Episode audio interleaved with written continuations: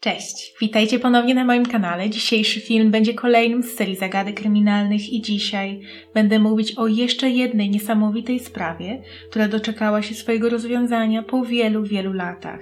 Tym razem będzie to aż 70 lat. Ta historia jest zbliżona do sprawy dziecka z Jerzyn, o której mówiłam w zeszłym miesiącu i z tego co zauważyłam, tamta bardzo przypadła Wam do gustu. Wiedziałam, że będę chciała jeszcze raz poruszyć podobny temat, dlatego bardzo dziękuję wszystkim tym osobom, które poleciły mi sprawę Toniego Meya. To właśnie o niej będę dzisiaj mówić i zapewniam, że to nie będzie nudny odcinek. Jeśli chcielibyście poznać tę sprawę, to zapraszam do oglądania. Wszystko zaczęło się kilka dni przed Bożym Narodzeniem, 19 grudnia 1942 roku w Londynie, a dokładnie na Victoria Embankment, czyli ulicy w centralnej części miasta.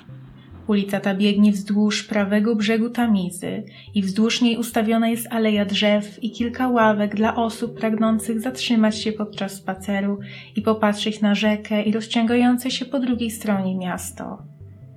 Trwała druga wojna światowa i mieszkańcy Londynu robili wszystko, żeby zachować choć odrobinę normalności.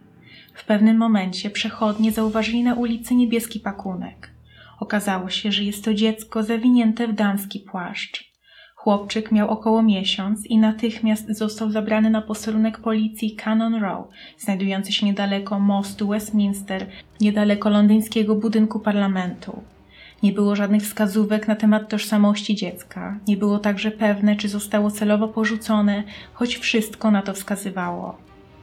Później chłopczyk trafił do szpitala w Chelsea i gdy ustalono, że jego stan zdrowia jest dobry, został przeniesiony do Eastney Nursery w mieście Ware, 36 km od Londynu. Miejsce to znajdowało się na przedmieściach, ponieważ trwała wojna i takie lokalizacje były najbezpieczniejsze. Sprawa została rozpowszechniona, ale nikt nie zgłosił się po dziecko i wkrótce chłopczyk trafił do domu dziecka. Tam nadano mu datę urodzenia oraz imię i nazwisko. Został nazwany Victor Banks od Victoria Embankment, miejsca, gdzie został znaleziony. W ciągu kolejnych miesięcy chłopiec rósł jak na drożdżach i był bardzo grzeczny. Jego opiekunowie nie mieli wątpliwości, że uda mu się znaleźć stały, kochający dom. I tak właśnie się stało już dwa lata później. Małżeństwo o nazwisku May postanowiło adoptować Wiktora. Jego nowa matka miała na imię Ivy, a ojciec Arthur. Po raz pierwszy spotkali chłopca 5 listopada 1943 roku i zanim dostali zgodę na adopcję, przez rok byli jego rodziną zastępczą. W tym czasie przeprowadzane były liczne wizyty kontrolne, podczas których pracownicy socjalni byli pod wrażeniem świetnych warunków, jakie państwo May zapewniają chłopcu. W raportach opisali, że matka poświęca mu cały swój czas, przez co Wiktor jest bardzo do niej przywiązany i dobrze odnajduje się w nowym środowisku. Gdy w końcu proces adopcyjny został sfinalizowany, para postanowiła zmienić imię dziecka na Tommy, ponieważ uznali, że poprzednie za bardzo przypomina o tragicznych początkach jego dzieciństwa. Chłopak wspominał później, że podczas gdy sami rodzice nie mieli rodzeństwa, to w jego życiu nie brakowało cioć i wujków, którzy go rozpieszczali. Rodzice mieli spore grono znajomych. Kilka lat później państwo May adoptowali jeszcze jedno dziecko, dziewczynkę imieniem Eleanor, która stała się ukochaną, młodszą siostrą Toniego. Arthur i Ivy nigdy nie ukrywali przed dziećmi, że nie są ich biologicznymi rodzicami, ale także robili wszystko, żeby zapewnić się o swojej bezgranicznej i bezwarunkowej miłości. Ten temat nie był często poruszany w domu. Z późniejszych etapów swojego życia Tony zapamiętał, że zawsze wstydził się przyznawać, że jest adoptowany, ale zupełnie odwrotnie było w przypadku Eleanor. Dziewczynka chwaliła się tym przed swoimi szkolnymi kolegami, co często wprowadzało starszego brata w zakłopotanie. Chłopiec miał świetne kontakty z ojcem, łączyło ich zamiłowanie do sportu. Artur był mądrym i wyrozumiałym człowiekiem i uwielbiał spędzać swój wolny czas na treningach z synem. Zdarzało się również, że chodzili razem na mecze odbywające się na stadionie White City w Londynie. Dzięki pomocy ojca i wsparciu, które Tony czuł z jego strony, udało mu się dostać do szkolnej drużyny krykieta. Wkrótce dorósł i wyprowadził się z rodzinnego domu. Jako karierę wybrał bankowość. Poszedł tym samym w ślady swojego ojca. Mimo, że tak jak wspomniałam, Tony od zawsze wiedział, że był adoptowany, to jednak o szczegółach swojego odnalezienia dowiedział się dopiero w wieku 23 lat, w dniu swojego ślubu. Ojciec postanowił właśnie wtedy wyjawić mu prawdę i pokazać wszystkie te dokumenty, które razem z żoną zachowywał do czasu, aż syn dorośnie. Gdy Tony zobaczył na nich słowo foundling, czyli podrzutek, znajda, poczuł, że chce dowiedzieć się prawdy na temat swoich pierwszych tygodni życia, co sprawiło, że jego matka lub ojciec postanowili go porzucić. Czy zrobili to z własnej woli, czy może zostali do tego zmuszeni przez osoby trzecie albo przez warunki życiowe. Czuł ogromną potrzebę dowiedzenia się, jak było, ale jednocześnie nie chciał, żeby osoby, które go wychowały, poczuły się urażone jego chęcią odnalezienia biologicznej rodziny. Wiedział, że poznanie prawdy, jakakolwiek ona nie będzie, nie zmieni tego, co czuje do państwa May i tego, że oni byli i zawsze będą jego prawdziwymi rodzicami i osobami, które dały mu najlepsze dzieciństwo, o jakim mógł marzyć. Uznał, że prawdopodobnie nigdy nie rozpocznie śledztwa w swojej sprawie, ale gdy lata później Arthur i Ivy zmarli, powróciły myśli o przeszłości. Pierwszym krokiem było skontaktowanie się z London Record Office, instytucją odpowiedzialną za archiwizowanie dokumentów. Co ciekawe, okazało się, że jego papiery adopcyjne nie są dostępne do przeczytania od ręki. Mężczyzna nie mógł zobaczyć ich osobiście. Jedyną opcją było zatrudnienie pracownika socjalnego, który w jego imieniu wejdzie do archiwum i spisze informacje z dokumentacji. Tony był zdeterminowany, żeby dowiedzieć się jak najwięcej, dlatego zorganizował właśnie takie spotkanie.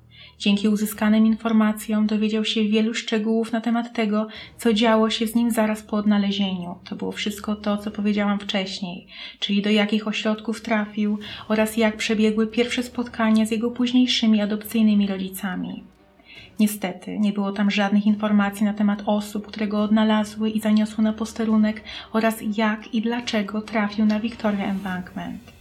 Dokumenty były ślepą uliczką i mężczyzna uznał, że jedyna opcja to rozpowszechnienie jego historii, z nadzieją, że usłyszy to ktoś, kto będzie wiedział coś na temat jego przeszłości. Był to środek lat dziewięćdziesiątych i Tony May zaczął opowiadać swoją historię na łamach gazet, a także udzielać wywiadów telewizyjnych i radiowych. Dzięki temu udało się odnaleźć kilka pielęgniarek, które zajmowały się chłopcem, zanim został adoptowany, ale niestety żadna z nich nie wiedziała nic na temat pierwszych tygodni jego życia. Sprawa ucichła na kolejne 10 lat, do czasu, aż Tony dołączył do grupy na Facebooku przeznaczonej dla podrzutków szukających odpowiedzi na temat swojej tożsamości.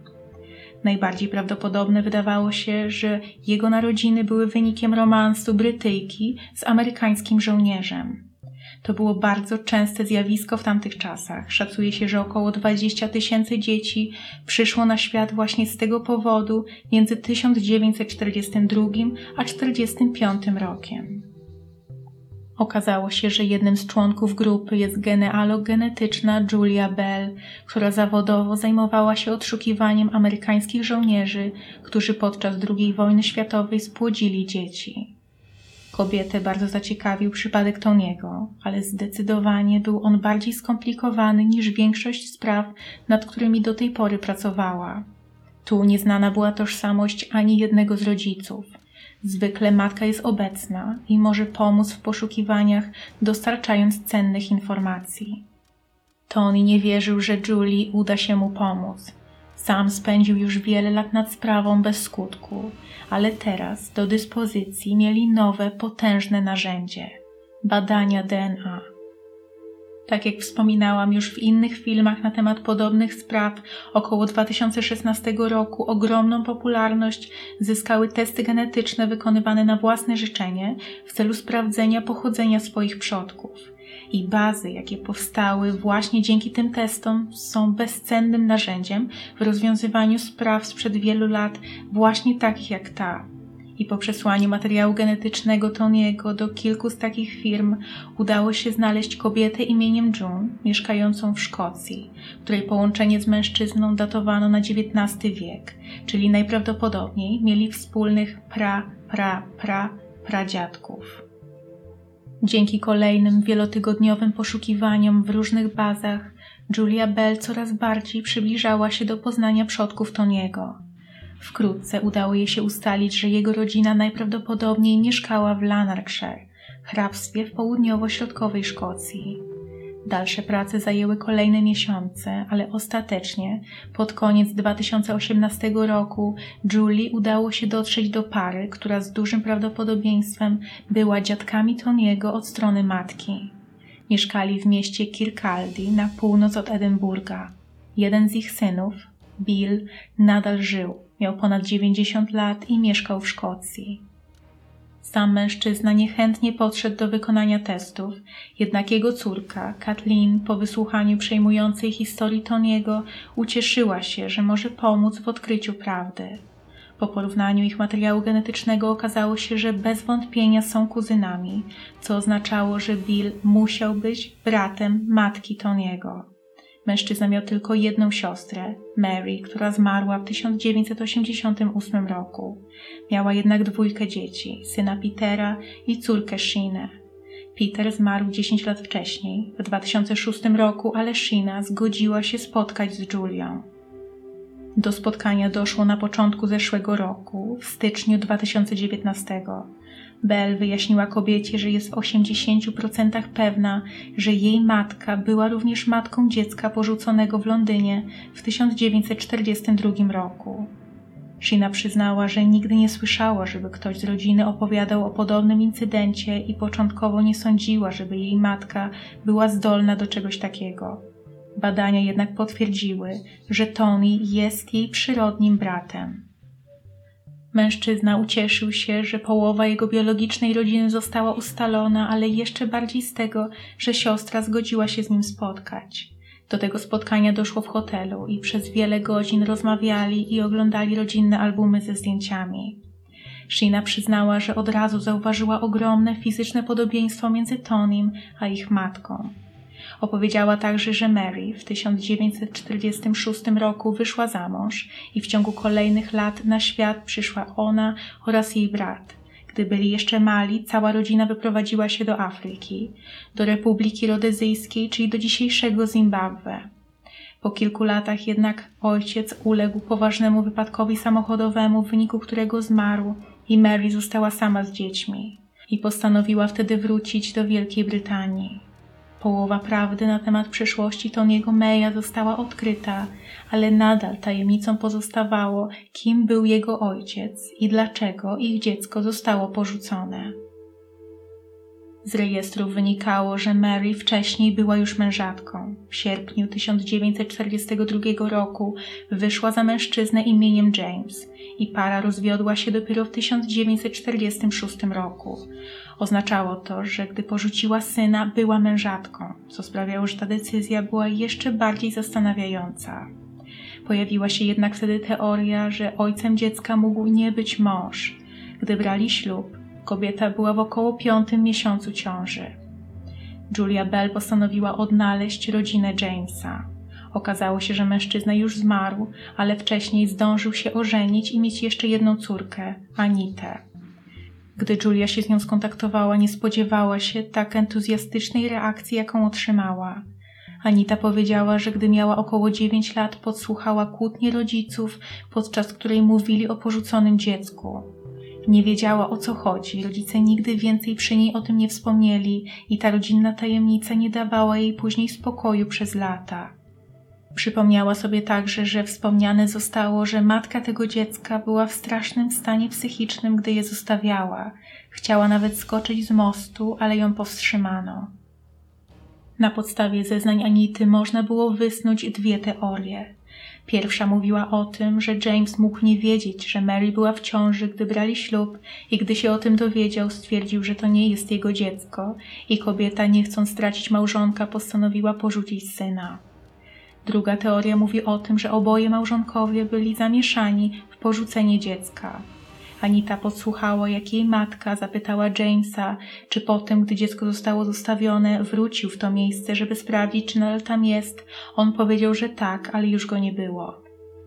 Kolejnym logicznym krokiem było sprawdzenie, czy James był biologicznym ojcem Toniego. Badania DNA wykazały, że nie. Julia musiała szukać dalej, ale opcja o amerykańskim żołnierzu wydawała się coraz bardziej prawdopodobna. Końcu Belle trafiła na mężczyznę imieniem Eric Wisby, który pochodził z Brighton, ale w latach 40. przeprowadził się do Australii. Wcześniej był w wojsku i stacjonował w Edynburgu w 1942 roku. Eric zmarł w 2004. Miał syna Kena, który niestety również zmarł, ale udało się odnaleźć jego córkę, Lisę, czyli wnuczkę Erika. Kobieta zgodziła się na badania i wykazały one to, co podejrzewano, że jest ona bratanicą Toniego, czyli że jej dziadek, Erik, był biologicznym ojcem porzuconego dziecka. Podczas swojej służby w wojsku Eric musiał poznać Mary Hunter, bo tak właśnie brzmiało jej panieńskie nazwisko, która miała wtedy 22 lata. On sam miał 35, był żonaty i miał syna. Nie udało się i prawdopodobnie już nigdy nie uda się ustalić, czy mężczyzna wiedział o ciąży. To, co jest pewne, to, że niedługo przeprowadził się z powrotem do rodzinnego Brighton, a następnie na drugi koniec świata do Australii. Co ciekawe, jego drugi syn, Ken, podobno kilkukrotnie wspominał, że ma przeczucie, jakby miał brata. Niestety, nigdy nie było mu dane dowiedzieć się, że to przeczucie było słuszne. Dowiadując się o tej części swojej przeszłości, Tony May przyznał, że poczuł ogromne współczucie wobec swojej matki, która znalazła się w niesamowicie trudnej sytuacji. Nie miała wsparcia ze strony męża, chociaż w tamtych czasach trudno było tego oczekiwać. Ciąża pozamałżeńska była czymś haniebnym, podobnie jak wychowywanie dziecka innego mężczyzny. Z drugiej strony nie można także wykluczyć opcji, że James wcale nie namawiał żony na porzucenie syna. Może Mary sama podjęła taką decyzję, żeby oszczędzić małżonkowi wstydu. Wiadomo, że musiała bardzo go kochać, skoro byli razem jeszcze przez kolejne cztery lata. Obecnie Tony May mieszka w mieście St. Albans w Anglii i jest zadowolony, że postanowił poznać prawdę na temat swojego pochodzenia. Dzięki temu zyskał nowych członków rodziny, ma bardzo dobre kontakty ze swoją przyrodnią siostrą Shiną i jej mężem. Od czasu do czasu rozmawia również ze swoją bratanicą mieszkającą w Australii. Przyznał, że nie ma nawet odrobiny żalu wobec biologicznej matki. Chciałby z nią porozmawiać i powiedzieć, że przykro mu, że czuła, że musi porzucić dziecko i jest pewien, że miała ku temu poważne powody. I to, jakie dokładnie one były, najprawdopodobniej na zawsze pozostanie już tajemnicą, ale to, co jest pewne, to to, że te wydarzenia bez wątpienia były traumatyczne zarówno dla Mary, jak i dla jej męża. Jej córka, Sheena, podkreśliła, że matka bardzo często opowiadała, że jej syn, Peter, miał brata bliźniaka, który nie przeżył porodu. Wtedy właśnie babcia bardzo często dementowała to przed bliskimi, tłumacząc, że ona była przy porodzie i na pewno było tam tylko jedno dziecko. Pewnie to był sposób Mary na radzenie sobie z utratą Toniego i jakby usprawiedliwienie przed otoczeniem tego bólu, który czuła po stracie dziecka. Z kolei córka Jamesa powiedziała, że ojciec niekomfortowo czuł się w towarzystwie małych chłopców i bardzo cieszył się, że urodziła mu się właśnie dziewczynka. I to jest już koniec tej sprawy. Mam nadzieję, że ten temat był dla Was równie fascynujący jak dla mnie. Niesamowite jest to, że sprawy z czasów II wojny światowej mogą być rozwiązywane teraz, ponieważ ta sprawa została rozwiązana w zeszłym roku dzięki rozwojowi technologii DNA. Dajcie mi znać, co Wy o tym sądzicie, jak również może słyszeliście o podobnych sprawach, albo o innych, o których chcielibyście, żebym powiedziała w kolejnych odcinkach z tej serii. Napiszcie to w komentarzach, a teraz bardzo dziękuję Wam za oglądanie i do zobaczenia. Cześć!